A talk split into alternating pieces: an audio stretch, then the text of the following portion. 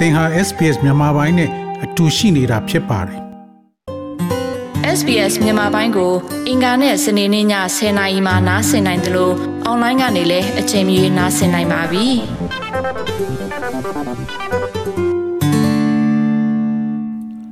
တော်ရရှိမြခင်ဗျာ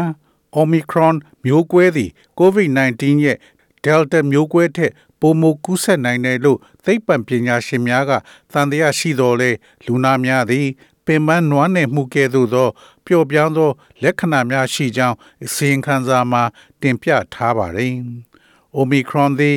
Delta ရဲ့မျိုးဗီဇ15မျိုးနှင့်နှိုင်းယှဉ်ပါက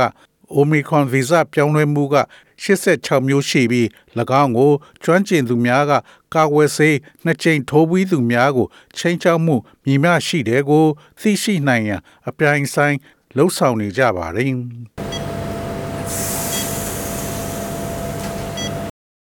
coronavirus ကွဲများသည်သိမ့်ပတ်ပညာရှင်များကိုနှစ်နှစ်နီးပါးအလုရှုပ်စေခဲ့ပါတယ်။အလုံးကြုံဆုံးနဲ့ပုံမွားကင်းစင်သောဓာတ်ခွဲခန်းအတွင်း virus ဗေဒပညာရှင်တို့က virus များကို swab လုပ်ထားမှုများမှ မွေးမြူကြီးထွားအောင်လှုံ့ဆော်ခဲ့ပါတယ်။၎င်းတို့ဟာ alpha, beta, delta နဲ့တခြားအရာများစွာကိုစမ်းသပ်ပြီးဖြစ်ပါတယ်။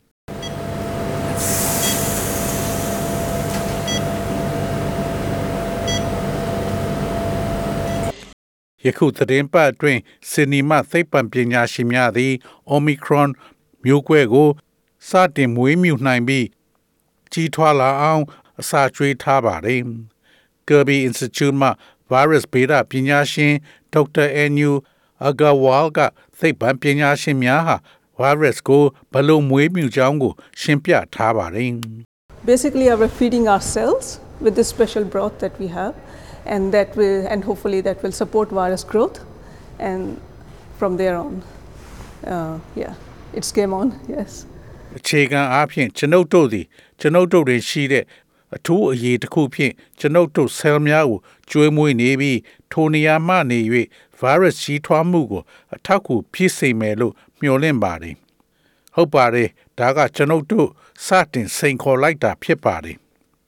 ဒါကနေကွေသော လုပ်ငန်းစဉ်တစ်ခုဖြစ်နိုင်ပါတယ်။သို့သော virus ဗေဒပညာရှင်များက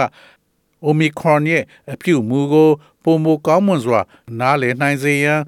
ကူညီပေးမဲ့အခြေအနေတစ်ခုလို့မျှော်လင့်နေပါတယ်။ University of New South Wales ရှိ Kirby Institute မှသိပ္ပံပညာရှင်များသည်ကပ်ရောဂါကာလအတွင်းအနည်းဆုံးမျိုးကွဲ14မျိုးအားလေးလာခဲ့ကြပြီး နှစ်ပတ်အတွင်း၎င်းတို့သည် Omicron အမျိုးအစားနှင့်အဝင်ကွင်ကြဖြစ်သောစိုးရိမ်ပူပန်းစရာကောင်းတဲ့မျိုးကွဲများလုံလောက်စွာမွေးမြူကြီးထွားလာနိုင်မယ်လို့မျှော်လင့်နေကြပါတယ်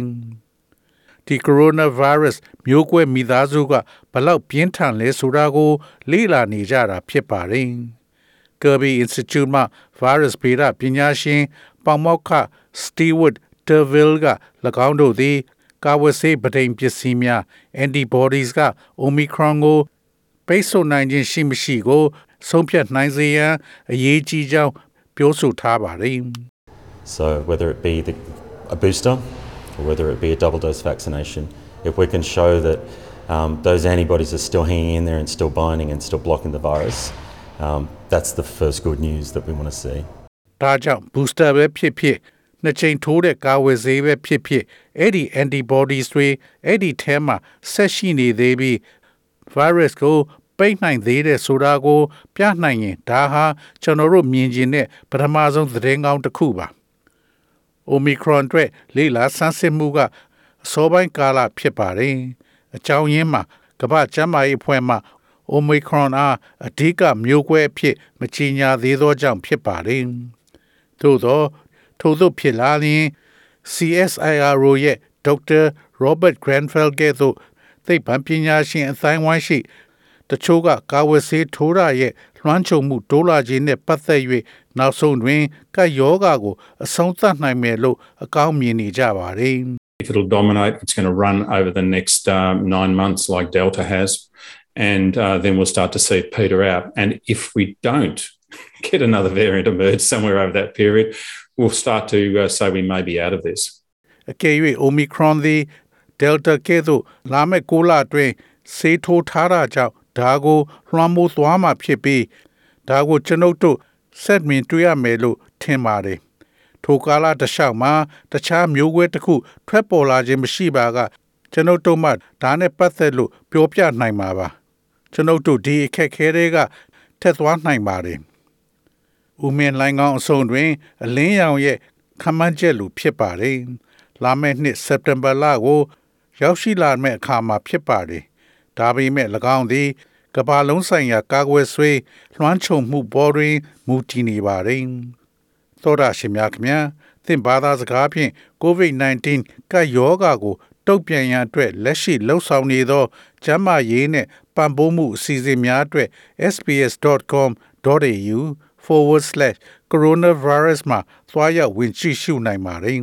။ SBS သတင်းဌာနက Felicity Davy နဲ့ Stephanie Cossetti တို့ရဲ့ဆောင်းပါးကိုဘာသာပြန်တင်ဆက်ပေးထားတာဖြစ်ပါတယ်ခင်ဗျာ SBS မြန်မာပိုင်းကို အင်ကာနဲ့စနေနေ့ည10:00နာရီမှနားဆင်နိုင်ပါတယ်။နားဆင်နိုင်တဲ့နည်းလမ်းအများကြီးရှိပါတယ်။ Radio Digital TV Online ဒါမှမဟုတ် SBS Radio App ကနေတဆင့်နားဆင်နိုင်ပါတယ်။ SBS မြန်မာပိုင်းအစီအစဉ်ဖြစ်ပါတယ်ရှင်။